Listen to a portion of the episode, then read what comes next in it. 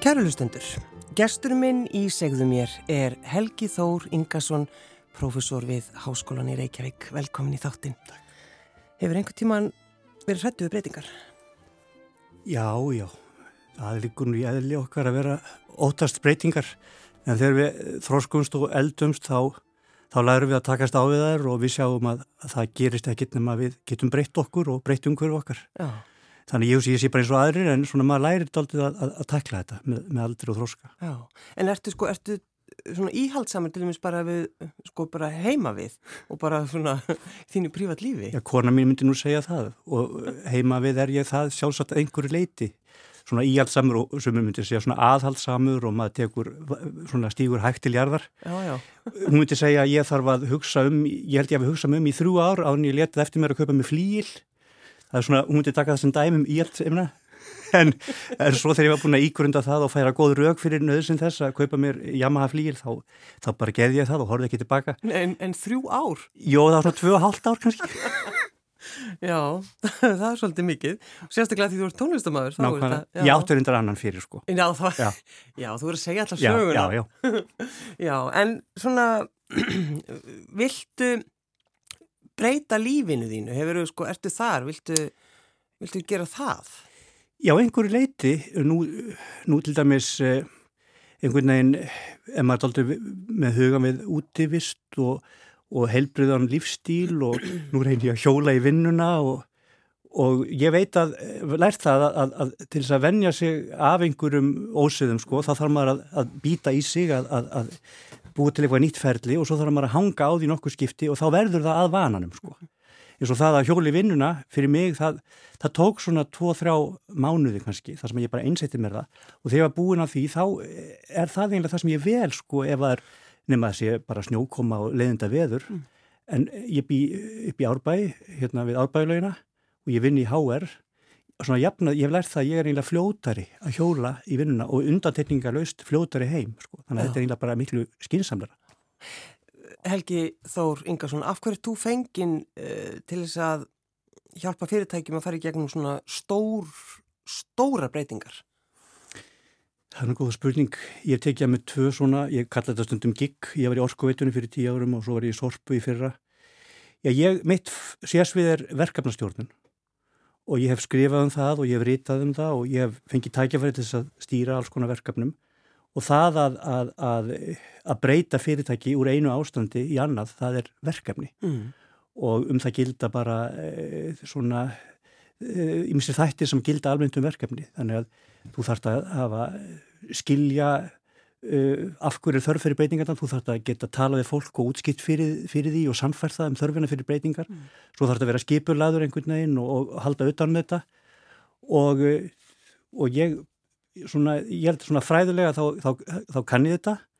Og svo hef ég verið svo langsamur, ég fengi tækifæri þess að æfa mig í þessu, að því að í verkefnastjórnum verður maður bara betri með því að æfa sig sko. og svo hef ég gaman að þessu Þannig að já, einhvern veginn lítum lífum bara vel í breytingum og þetta hefur gengið bara, ég hef verið heppin þannig að það sem ég hef tekið að mér, það hefur gengið bara þokkalega. Þetta svara kannski spurningum á einhverju liti. En þú vinnur með skoðst ekki svona vinsaldakostningu þegar þú ferð inn í svona, þú ert fenginn til þess að, að breyta hlutum og já. fólk verður kannski mjög ósátt. Hvernig, svona, hvernig vinnur í tengslum það? Sko, fyrsta skrefið í breytingum er að að auðvitað samfara sjálfansög um þörfina fyrir breytinguna og eftir það þarf það að e, samfara fólkið um það. E, fyrirtæki er bara, e, er bara kerfi, fjæraslegt kerfi, það er samansendur af fólki og þú breytir engu ef að, ef að það er engin skilningur eða vitund innan kerfisins um þörfina fyrir breytingar. Þannig að mestur orka og tími fer í að ræða og draga fram þörfina fyrir að breytast og þegar það er komið þá, e, þá verður allt miklu auðveldara og það er einsla mín að, að og, og ég meina já það er rétt maður er ekki ráðum til þess að vinna vinstaltakostningu en, en ég held að þegar uh, búður að draga fram þörfina fyrir breytingar, draga fram að fyrirtæki er mögulega á rángur leið eða það eru ómargir starfsmenn í fyrirtækinu mm. og þetta getur ekki gengið svona, við erum að tapa peningum eða við náum ekki að uppfylla þær kröfur eða fylgja eftir þeirri stefnu sem okkur ætla að fylgja eftir, þá sér fólk þetta og það áttar sig á því að við verðum að breytast og, og það geta verið erfiðar þessar breytingar og það getur falið í sér óþægindi fyrir einhverja og sumir þurfa að fara en þá hugsa ég bara með mér að ef ég er að starfa í fyrirtæki og, og það kemur á daginn að, að það er ekki þörf fyrir mitt framlag þá held ég að það sé ekki mjög gefandi að vera í slíku starfi þá er betra fyrir mig að fara annað þar sem er einhver þörf fyrir mitt framlag og mér líður vel og, og ég, ég finn að, að ég gerir gagn. Þannig að ég held að, að það að, að útskjara fyrir fólki og draga fram þörfin fyrir breytingar, það er, það er frum skilirði og eftir það gengur allt miklu betur. Já, en þetta er sko bara þannig ofta að, að fólk fyrir bara jafna í að það er að færa kaffivélina úr stað eða eitthvað í tala reynslu. En þá er gott sko ef, ef, ef, ef breytingin snýst um það að færa kaffivélina sem getur verið mjög erfitt fyrir hinsa, ég, ég þekki þetta, þá, þá kannski er ágætt að taka viðkomandi og segja, heyrðu, sjáðu til, ef við færum kaffivélina tvo metra hérna, nær skrifstónuðinni, mm. ef maður segja að þú færi tíu sinum á dag eh, hérna að fóði kaffi, þá sparar þau 20 metra á dag. Mm. Þú verður minna þreyttur í, í löpunum þú kemur heim og þegar maður er búin að fara í gegnum þetta þá er ekkit mál að færa kaffin. En hvernig kennar ertu, Helgi? Ég veit ekki, það er ekki maðurinn að svara þessu. Ég, ég allavega, ég reyni sko í setni tíð eftir því sem að ég hef svona uh, fengið reynslu í þessu starfi, ég upphafi þá var maður í því að, að náttúrulega bara vera hinn alvitri miðpunktur þekkingarinnar mm -hmm. og maður las fram á nótt að undirbúa sig, ég manna fyrstu fyrirlæstinir ég, ég, ég læriði eiginlega orð fyrir orð það sem ég sagði, sko, ég var svo ákafur og maður mátti ekki klikka neitt.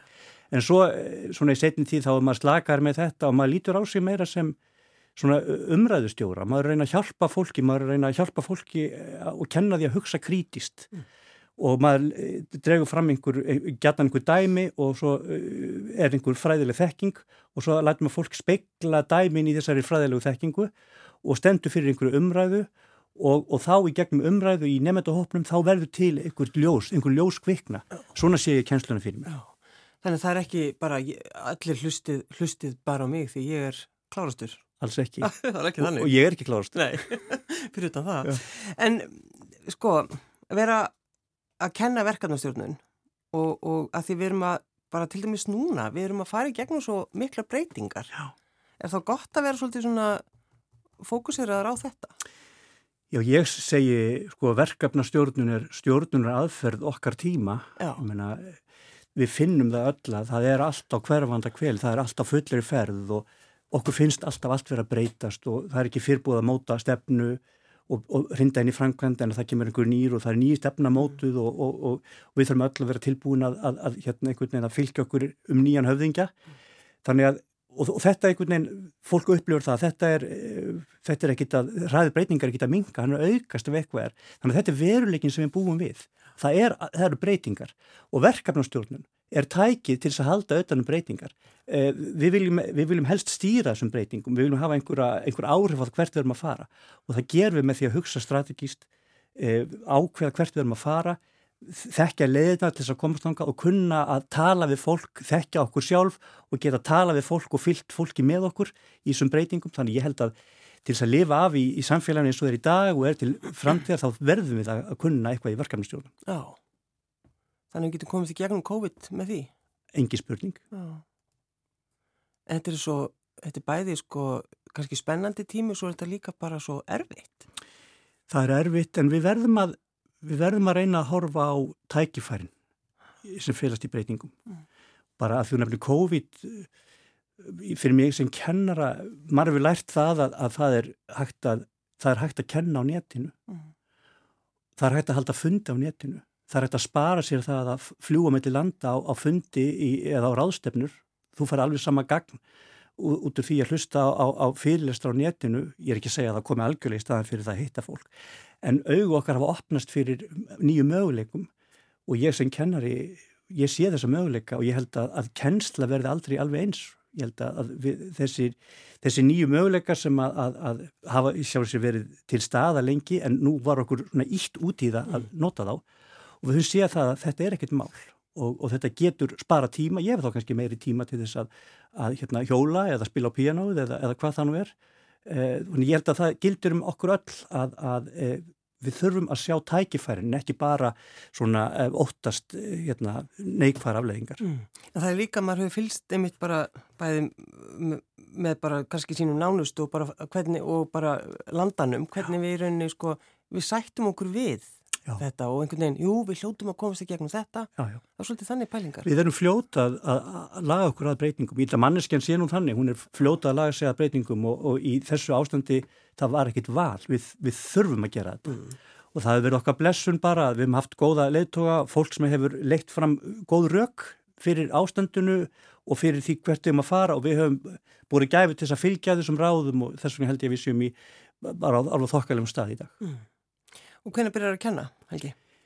Kennslan hefst í MPM-náminu uh, í HR, þá hefst kennslan 27. og 7. ágúst, þannig að þetta er alveg að detta í gang. Já, ertu maður að læra allt utan það?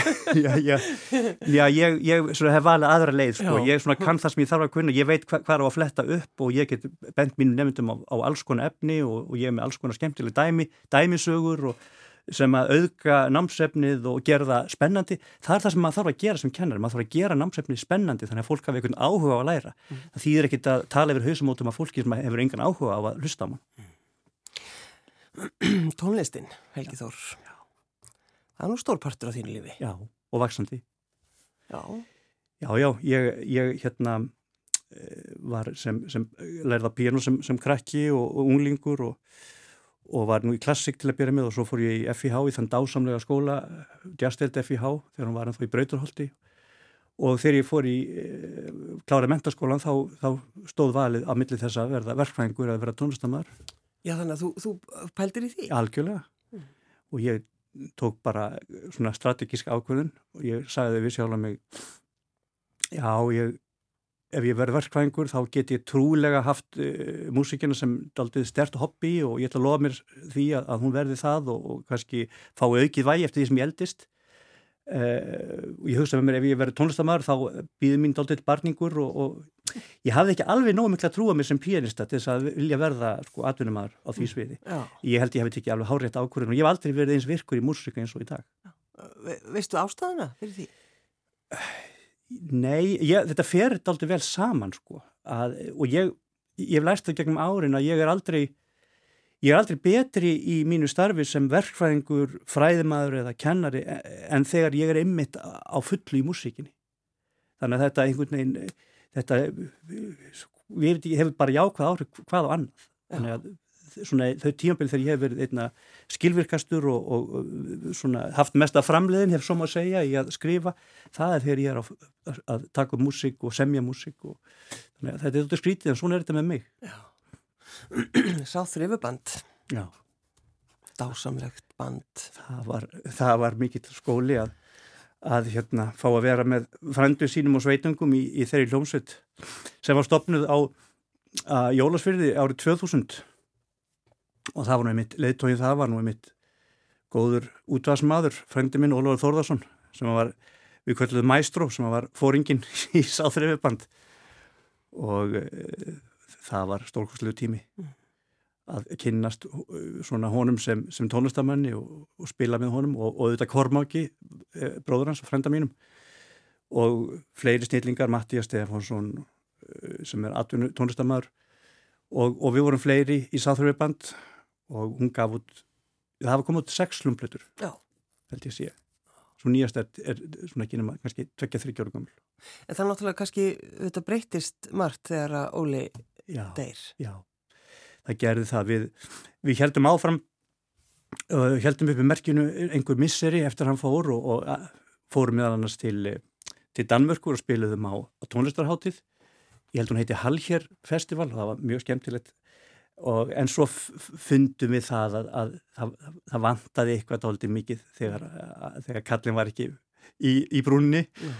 þannig að við svona doldið dýnamíkin eða, eða það breyttist doldið hún varð ekki lengur þetta band sem, sem við hittumst vikulega til þess að spila heldur var nú svona meira tilfallandi við komum svona einstöku sinu saman og til dæmis komum við út þessari hljómplötu sem að, e, nummer 6 sem heitir Sirkus mm. og það var svona meira til þess að minnast Óla að taka upp lög og og hérna sem hann hafði e, samið en, en e, sáþröfi var ekki lengur svo saumaklúpur sem hún var í gamla dag. Já, en þa það var einmitt þannig, þið töluði alltaf um það sem bara bandi sem saumaklúp. Já, hún var, við bara hittumst einu sinni viku. Einu sinni viku í þingkolturum, hann átti heima á örðarstíg og efiðum alltaf á örðarstígnum eða einlega alltaf og það var bara mætt og tekinu hljóðfæri og og einhver kom með lag og, og annar kom með lag og svo vorum við að hamast á þessu og heilmikið að gera í spilamennsku hann rak eh, umbótsfyrirtæki listamanna, þúsund þjálir mm og ég held að við fengið ansi mörg gig út á það, spilum hér og þar og, og, og höfðum auðvitað, aðalmáli var við höfðum svo gaman að þessu, þetta var svo skemmtilegt. En þannig að þetta, þetta voru, sko, þið eru allir frændur eða hvað? Já, ekki alveg allir en, en, en kjarnin er, er svona, frænskapur kjarnin er, er Ólasfjörður þar sem þetta lítla byggðaræð sem heitir Kleifar í Ólasfjörði og við erum flesti tengtir bæ þar sem heitir Sidri á. Í, og þess vegna siður á, ef maður snar því yfir ennsku þá kemur South River og það var svona einhver auðla húmor á sínum tíma. Þetta er alltaf sérkynleita því að allt sem við sungum var á íslensku þannig að, þannig að þetta var aftur komið að þessu það er erfiðast með hljómsveitir að finna nöfn sko. Já, en það er alveg rétt að þú segir það að því að bara íslenski tekstar já. og svo, svo hétt bandið South River band. Já, þetta er einhver auðla húmor. Já, já, já En uh, finnst þið gaman að koma fram, Helgi? og spila? Já, ég hef nút aldrei gaman að því. Eh, svona, það er um partur af því að, að vera tónlistamæður, það er að þessi, þetta samspil við áhærindur, einhvern veginn að rýfa fólk og, og eiga einhver svona samskipti í tónum og, og, og segja sögur. Já, ég hef mjög gaman að þessu. Já. Og ég finn það að, að, að þegar við, maður kemur fram nú er ég að spila með, með hljómsveit sem heitir Kolka, sem er sömaklúpur í dag, við hittumst vikulega og við, það er doldið gaman að segja frá því að, að í COVID þá var svona lítið um tækifæri eh, það hefur verið lítið um tækifæri til þess að koma fram eh, og, og hérna en við erum svona nýtt þau tækifæri sem þó hefum fengið mm -hmm. og, og, og svona misserinn fyrir COVID, kannski þrjú ár þá spiliðum við reglulega á, á heilsuhælunni hveragerði Já. og það var doldið gott að því að þar sko kemur og spilar það mæti fólkið og það ásynir enga undan komið sko það getur ekki farin eitt þannig að þú er höfð með 60 manns kannski og, og, og hérna þau eru bara vísna nála til í fínum sal á heilsuhælunu bara frábært gig. Frábært gig sko og, og fólk á þessi ekki undankomi en það, það er nú ekki eins og fólk hafa viljað flýja en það er svo mikil nálað við, mm. við, við, við audience og þú ert að segja sögur og þá áttum við svo því að það að koma svona fram að það er að hluta til auðvitað músikinn en það er líka sögurnar og það er samspilið á sviðinu, það er einhver dýnamík millir tónlistamannana og menn taka sér svona bara mátulega alvarlega og, og eru svona e, einhvern veginn að segja sögurnar bak við laugin og, og svona þannig að þetta verður svona skemmtilegt samspil áherinda og, og hljómsveitar og það er eitthvað voða lifandi og skemmtilegt við þetta. Þannig ég þrýft, þrýft svolítið á þessu. Já, en eh, Helgi Þór, þú veist eh, hugmynd fyrir hvað tíu árum eða ekki, eða meira? Að semja söngleik? Já, það er meira Já, það er meira. Fyrstu hugmyndinar, það eru ábygglega 25 ár. Nú, já, þetta er betri saga. Já, og e, þannig að ég hef alltaf verið, alltaf, mér þótt söngleikja formið alveg stórkostlegt form. Þetta er svo einfalt, það er bara gott og illt, sko, mm -hmm. og svo er fallið músik. Ég, ég, manna, ég fór í þóðleikúsið á Vesalingana og ég var alveg heitlaður, minnst þetta stórkostlegt. Og e, Þannig að það er okkur 25 ár frá því að ég svona, setti niður fyrstu hugmyndnar og ég fór að hugsa hvað er, hvað er það í íslenskri sagnahefð sem, sem býður upp á uh, mjög illt og mjög gott. Já. Og ég komst fljótt á því að þetta er galdratíminn. Það sem að verður að brenna fólk og, og, og mikil átök á milli góðsveils og ég fór að semja söngleik sem að fekk heitið galdur. Ég tekið svona skorpur gegnum árin að, að vinna í honum það er kannski svona fimm ár frá því að við getum sagt að hann var komið það langt að ég komst ekki lengra með hann.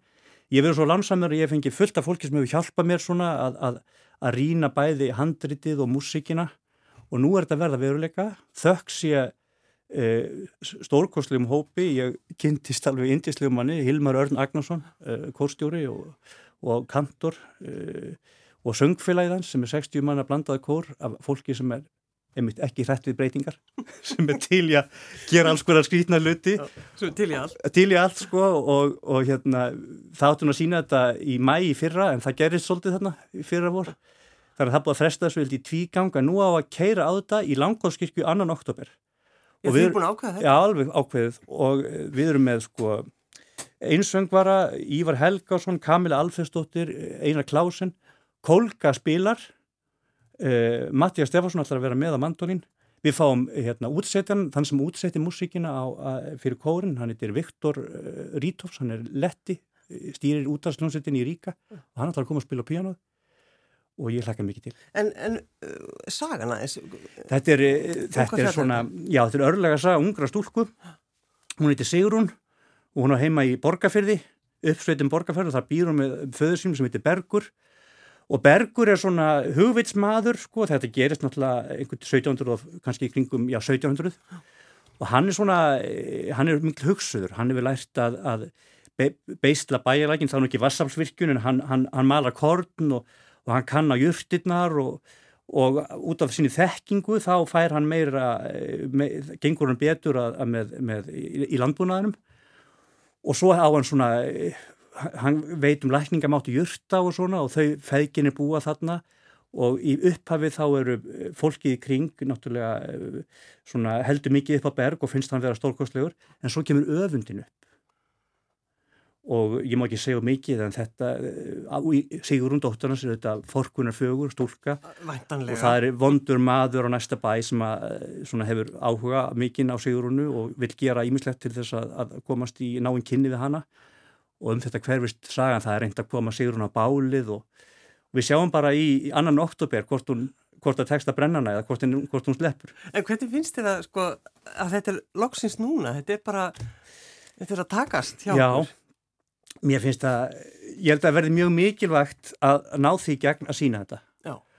Og mikilvægt fyrir alla sem aðið komi, ég er nú búin að hafa náttúrulega núna í eitt og halvt ár eh, hérna 70 manns sko, sem er búin að, vera, er búin að vera bara tilbúin, búin að vera að æfa þetta og það verður mikilvægt fyrir þau að svona losna veit úr sístuminu og geta farið að hugsa um önnu verkefni, líka fyrir mig sko. Þannig að ég hlakka mikið til auðvitað að, að sjá þetta verða veruleika. Við ætlum að flytja þetta í leiklestri þar að segja að mm. við getum ekki sett upp heilan söngleik en, en við hefum fengið mikinn fagmann uh, til þess að Sýbil Köll ætlar að setja þetta upp svona, hún er kórógraf og ætlar að glæða þetta lífi og ég veit ekki, kannski kemur einhver frá leikúsurum og horfur á þetta og, og verður spenntu fyrir sögunni og, og músikinni og mætir og kannski verður þetta sett upp setna, hver mm. veit. Mm, en, en áttu auðvilt með að semja tónlist, Helgi Þór?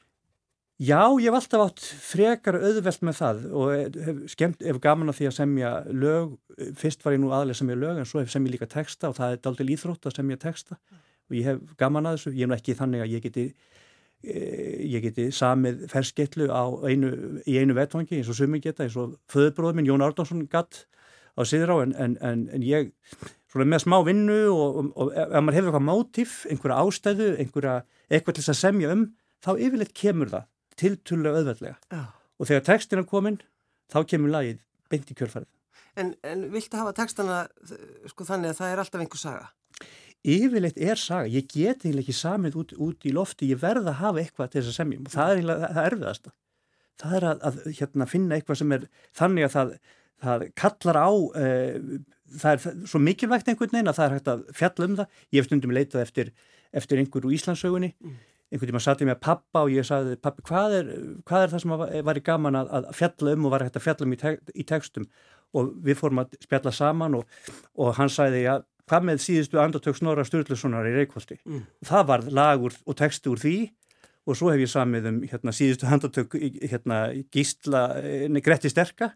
Þannig að mér, ég hef tátið samið um svona síðustu mómentin áður en mennur og hognir í spað. Já. Það er mjög hressandi. það er mjög hressandi sko. En, en þannig að það þarf alltaf að vera einhver saga. Já, já. en notar þú að því þú nefndir einmitt með kennsluna Helgi Þór, notar þú það einmitt svolítið?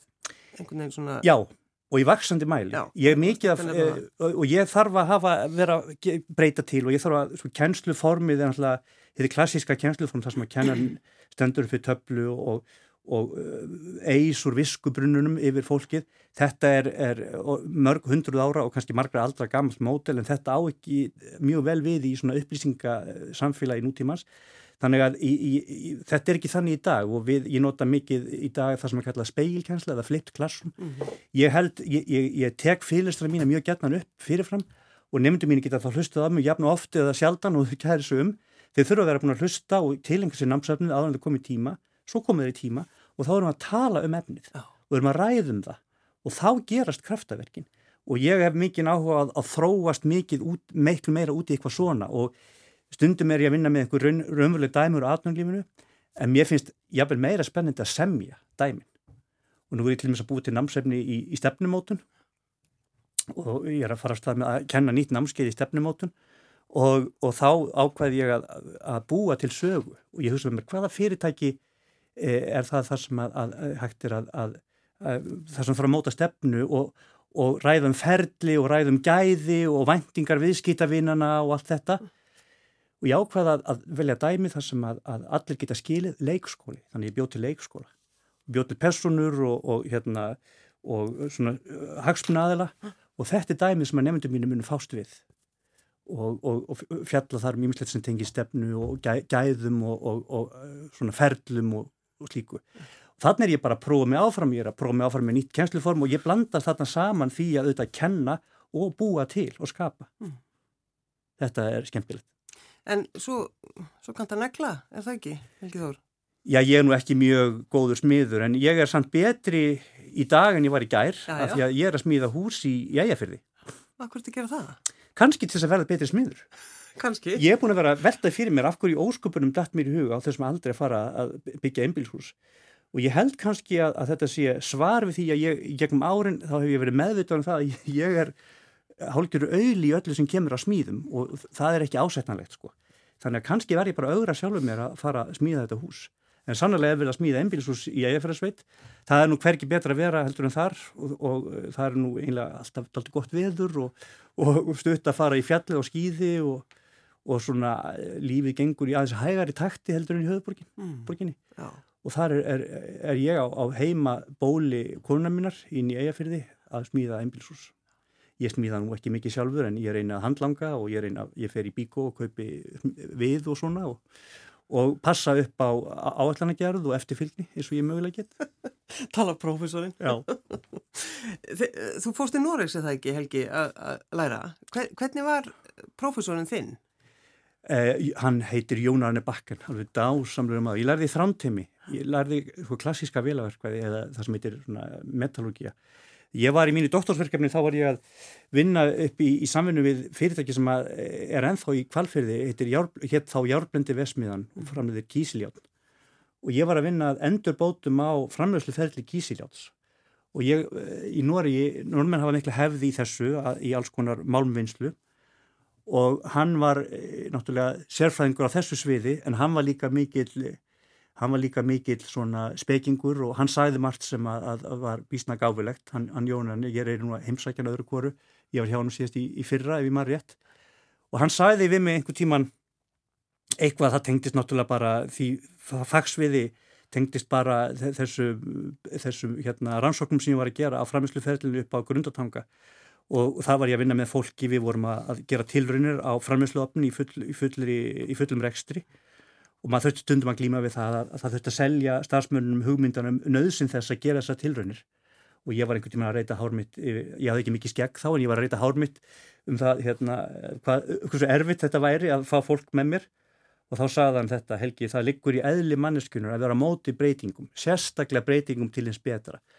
Og þetta er svo satt hjá Jónarni og þetta auðvitað svona rammar indáldi það sem ég hef gert að mínu sérsviði í rannsóknum og, og, og svona tengingu við atvinnulífið hins setni ár sem er að halda auðvitað um breytingar. En af hverju er við svona hrætt við þetta?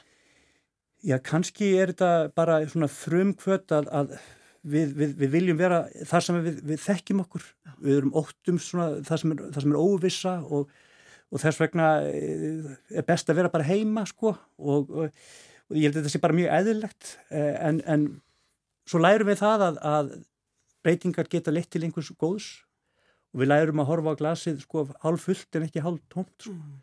og ef við náðum því þá verður allt miklu öðveldara og, og þegar maður eru að breyta þá er einlega aðalmálið er það að, að fá fólk með sér og fá fólk til þess að skilja þörfina fyrir breytingar mm. annars verða enga breytingar Það er svolítið þannig. Já. Þarf þetta að samfara þína nefnendur um, um þessar pælingar? Uh, sko, já, ég, mér finnst reyndar að, uh, nú er ég búin að kenna tóltið lengi, ég byrja að kenna 2000 já. og ég, ég fann að hljómið svo pappi, pappi kendi hagaskóla og áratögum saman og við bötunum sem við vorum tóltið þreytt á því að það var alveg sama Eh, um hvern var talað eða, eða hver kom í fjölmjölum þá saði pappa alltaf ég kend honum, ég kend henni. Ég er eiginlega að verða svona. Mér, mér finnst þess að ég hefi kend uh, ansi mörgum og mér finnst sjálfum ef ég ber saman eh, hérna árgangana þá, þá held ég að, að kannski það bara ég, en mér finnst eins og eh, breytingar séu svona eðlislegari í hérna ungu fólki nútildags heldur, heldur en það voru hjá mér þegar ég var ungu maður. Mm. Þannig að kannski erum við bara að læra það að, að breytingar eru bara fínar og við þurfum að setja okkur við þar og við þurfum að sigla með strömmnum. Þú varst uh, framkvæmtastjóru Sorpu í nýju mánuði, er það ekki? Ellu mánuði. Ellu mánuði. Já. Þú bara kemur það inn og, og það eru, við þurfum, erum ekki að fara að týna það til en þú varst einst að breyta heilmiklu. Já, það, það, það hétt sko, fjárhagslega endurskipulagning. Já. Það voru vandamál uh, í, í Sorpu og, það Það voru lán sem þurfti að borga af og það var ekki til peningur í sjóði til þess að borga lánum og það þurfti að ráðast í breytingar, það þurfti eigundur þurfti að koma peninga, það þurfti að, að, að hagra í rekstrinum og, og spara og, og, og svona og heilmikil breyting og mér var ætlað að, að standa fyrir þessum breytingum og gera skiplasbreytingar innan sorpu og hjálpa sorpu svona að ná vopnum sínum dáltuð aftur. Mm og ég held fyrst að þetta væri bara svona tiltöla afmarkað og lítið og nett svona eh, breytingaverkefni en ég áttaði maður því fljóðlega eftir ég var komin að, að Sorpa er í ótrúlegu umbreytingaferli. Hún er að breytast úr, eh, úr einhverju sem við þekkjum sem svona eh, urðunafyrirtæki. Já, já. Ég er uppalinn, fættur uppalinn í árbænum sko og ég fór ofta upp í Guðunes þar sem að vini mín áttu heima og þá hjólaði ég fram hjá öskuhaugunum í Guðunesi og það var rusli tekið og, og, og sett ón í örðina árum saman já, já. svo árum þessu, sko. já, svo hefur það farið upp í Álsnes og starfsemi sorpu hefur gengið út á það að taka mótið einhverjum 130.000 tónum af rusli og grafa hólu og setja rusli ofan í örðina en e, nú er þetta bara að breytast sko. og eftir tvö ár þá verður sorpa hægt að setja rusli í örðina þetta er bara bannað, við gerum ekki svona í dag. Og hvað gerum við í staðin? Jú, við reynum að, að fyrstulega draga úr umfangi sorpsins. Öðrulagi þá tökum við lífræntsorp einhvern veginn, reynum við umbreyta því í, í moldu og, og metangas. Og í þriðalagi þá, þá þurfum við að taka það sem er brennalegt og ásýr ekki aðra farfi og við bara brennum það búin þá til orku og umfram allt þá reynum við að, að, að, að kenna fólki að endur nýta, endur nota meira og, og reyna að draga sem allra mest úr því sem að fer ofn í jörðina því að það gengur ekki upp á borum dögum að grafa sorp í jörðu. En var þetta skemmtilegu tími eða erfiður? Bæði, Já. mjög erfiður og... Varstu óvinnsæl? Ég veit, ég held ekki. Ég held ég er nú marga sem hugsa lítið mín í sorpu og ég er nú, og mér þykir ákvæmlega væntu um sorpu. Ég tók svipað gig í, í, or, í orkuveitunni fyrir einhvern tíu Já, árum einmitt. og þar voru sumpart erfiðari aðgerður, þar þurfti ég að segja upp daldi stórum uh, hópi starfsmanna Ég veit það að það var að tala fallega um í, í orkuveitunum mörg áru og eftir. Það var allir búin að glemja það núna. Já. Ég held að það tala bara ágætlega um í sorp. Já. Og það er kannski líka svolítið skemmtilegt einmitt þegar maður bara keirir fram hjá uh, góða hyrðunum neyri bæ. Hverju skutti? Já. Þetta er bara, það er eitthvað, maður hugsa bara það er eitthvað að gerast. Já, það er myndbyrting af því hvernig hlutverk sorpur að breytast. Mm. Af því að e, það er ekkit meira en tvö, þrjú ár síðan að, að megin starfsemi sorpu gekk út á, eins og ég segi, að grafa sorpu í jörðu og sumir þekkja, það er svona til minn, einfalt líkan til þess að, sem er kallað úrgangsþrýtningun og neðst í honum, hann snýr öfugt sko, ottunni snýr niður og neðst í honum er urðun, það er það sem við viljum helst ekki gera, við helst ekki urða og svo fetum okkur ofar og þá kemur eitthvað sem heitir endur nýting og að búið til orku úr sorpunu endur nýting, finna einhverja nýja notkun fyrir, fyrir ruslið og svo endur notkun og við fetum okkur ofar og ofar í þessu og starfsemi góði hyrðisins sem hefur bara aukist á síðustu árum og nú komið eitthvað sem heitir efnismiðlun góði hyrðisins sem gengur út á það að þegar ég er hættur að nota hlutin þá fer ég með hann uh, í, í góða hyrðin og það er einhver annar sem sér þennan hlut og sér að hann getur notað og þetta er miklu betra heldur en að taka hlutin og hendunum í jörðina og nota nýtt hráöfni til þess að búið til nýjan hlut sko. og við þurfum öll að taka höndun saman að lifta okkur upp úr, úr, í úrgangsþrýningum, hætta urða og fara upp uh, ofar í þennan þrýning og bara skiptast á þannig að þegar ég er búin að nota hlutin þá fer hann til þín mm. Loka lægið Helgi Þór, það er einhver saga, er það ekki? Væntanlega? Já, þá er erfitt að velja en, en svona, það nýjasta sem kom út það sín nú kann man gamaldags að maður skulle standi því að gefa út hljómdiska því já, það já. gerir engin lengur, það er ekki lengur hægt að spila hljómdiska í bílunum og geistla spilar eru bara einlega hornir en fyrir þreymur ánum síðan þá kom út diskur sem er einlega halgjörur huldu diskur af því að hann hefur einlega við seldum hann á Karolína eh, til þess að fjármagnum en þetta er eh, sjötti diskur sá þrjöfurband sem við gáum út til þess að, að minnast Óla hérna, Mæstró Þórðarssonar mm. En sagan á bak við þetta lag, að því að eh, ég spurði hvort ég ætti að velja rólegt eða hestlag og þú sagði hestlag, þá valdi ég, svona, valdi ég lag sem ég held að sé svona kannski einna hestasta lagið á svona diski.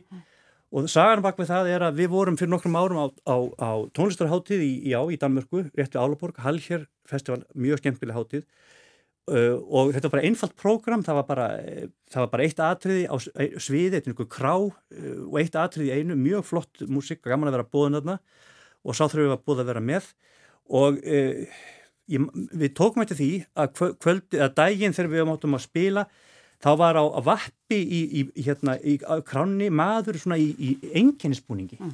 rauð með enginnisbúningi og hann var svona, ég er ekki frá því að hafi, hafi kannski e, verið kendur, ég samt fór ekki að fullera það og hann var svona, e, það kom á daginn þetta var sirkustjóri og hann var að setja upp svona, eh, svona sirkus og var að selja miða á þennan sirkus og manni fannst hann vera daldið svona eh, að margan daldið skrítin, hann daldið beiskur og, og, og, það var engin bóðun þannig að það má segja að það var meira, miklu meira frambúð af þessum sirkusin eftirspurn.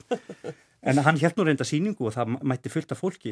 En um þetta var um þennan sirkus, hann held Mongo náingin um þetta var til lag og texti, Sirkus Mongo Sirkus Mongo, við skulum leggja vel hlustir Helgi Þóringarsson, professor við Háskólan í Reykjavík og tónlistamæður. Takk fyrir að koma. Takk.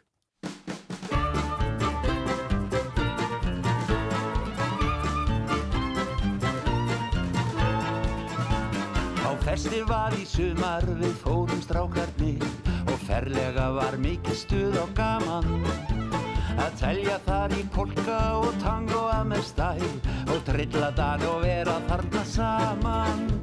Á talvið okkur gaf sig eitt halsvöld mjúkur gauð Í tignarlegum jakka hann var stjóri.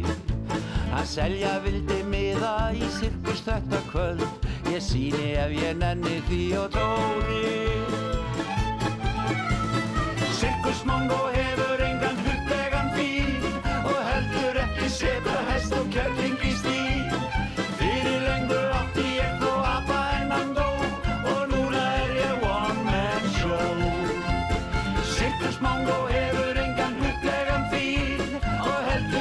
sepa hest og kjörling í stíl. Fyrir lengur átti ég þó apa en hann dó Og núna er ég one man show. Hann þótti fremur bitur og það var ekkert dýr. Fyrir flestan hafði ég til fyrir löngu. Aðspurður þú sagði hann að eina gæti sínt Aldur nign og fastust litla slöngu Um örlóg mango sketum við óskup lítið sagt Því ekki er gott að spá á skálda tóknum En hugsanlegt má telja að hann þó fyrir vest. Hengi sig í vini sínum snaknum